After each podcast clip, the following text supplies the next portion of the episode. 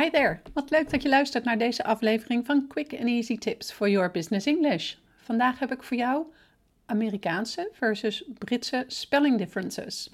Mijn naam is Anneke Drijver van Improve Your Business English en de auteur van het boek Master Your Business English: Communicate with Power in 7 Simple Steps. Ik help jou als ondernemer of senior business professional van je middelbare school Engels af, zodat je ook internationaal met impact en vol zelfvertrouwen in het Engels kunt communiceren, maar bovenal volledig jezelf kunt zijn.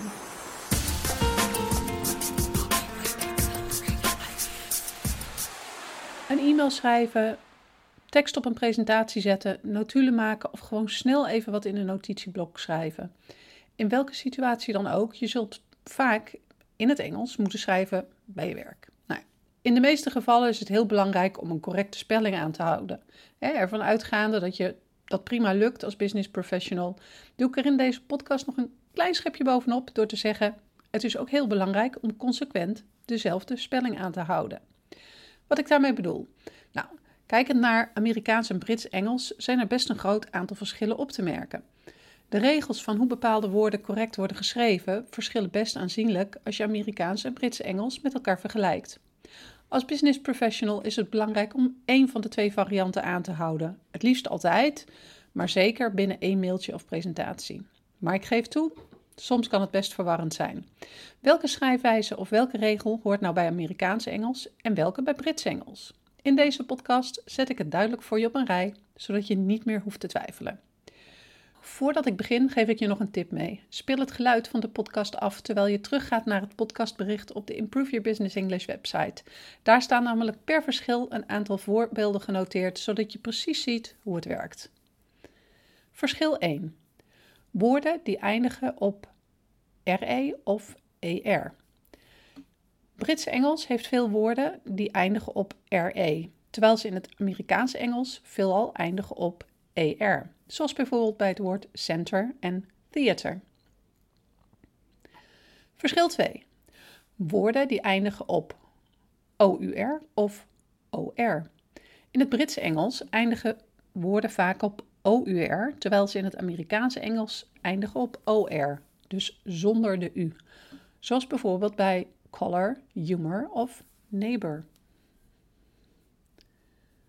Verschil 3. Woorden die eindigen op ISE of IZE en ISE of IZE. In het Britse Engels eindigen woorden vaak op ISE, hè, dus met een S, in tegenstelling tot het Amerikaanse Engels, waar dezelfde woorden eindigen op IZE. Het verschil zit hem dus in de S of de Z.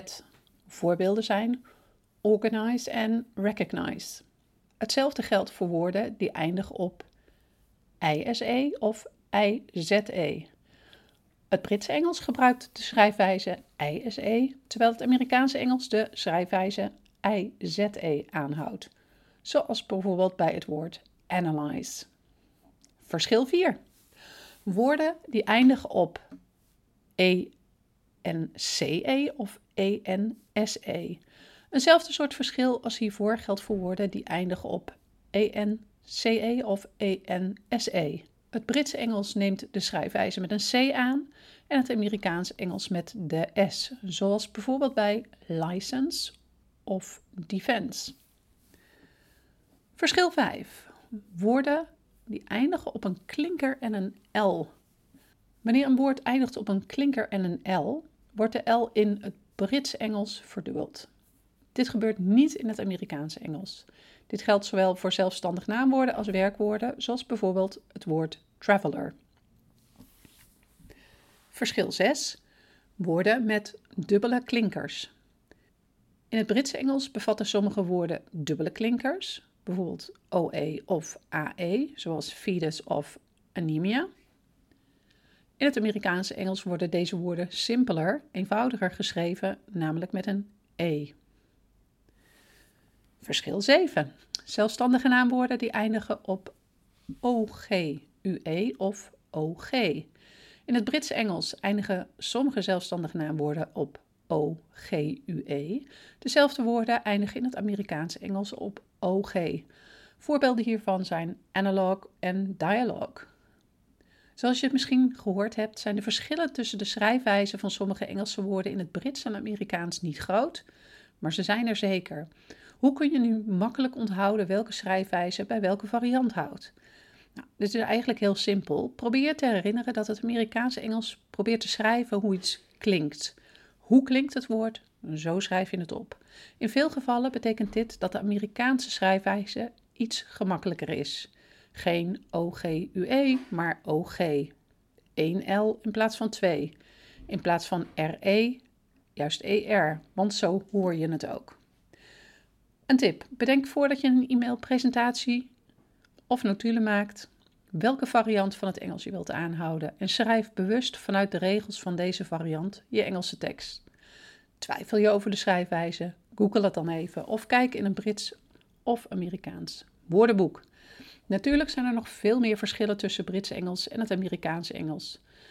Wist je dat er ook verschillende namen zijn voor heel veel objecten? Het zou natuurlijk helemaal mooi zijn als je deze verschillen ook weet toe te passen, afhankelijk in welke variant van het Engels je een tekst schrijft.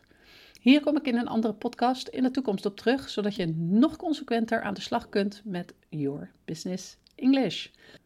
Als je deze aflevering hebt geluisterd, zou ik het enorm op prijs stellen als je een review voor ons zou willen schrijven op SoundCloud of een beoordeling voor ons zou willen achterlaten op YouTube. Want sinds een tijdje kun je ook daar elke twee weken onze nieuwe podcast beluisteren.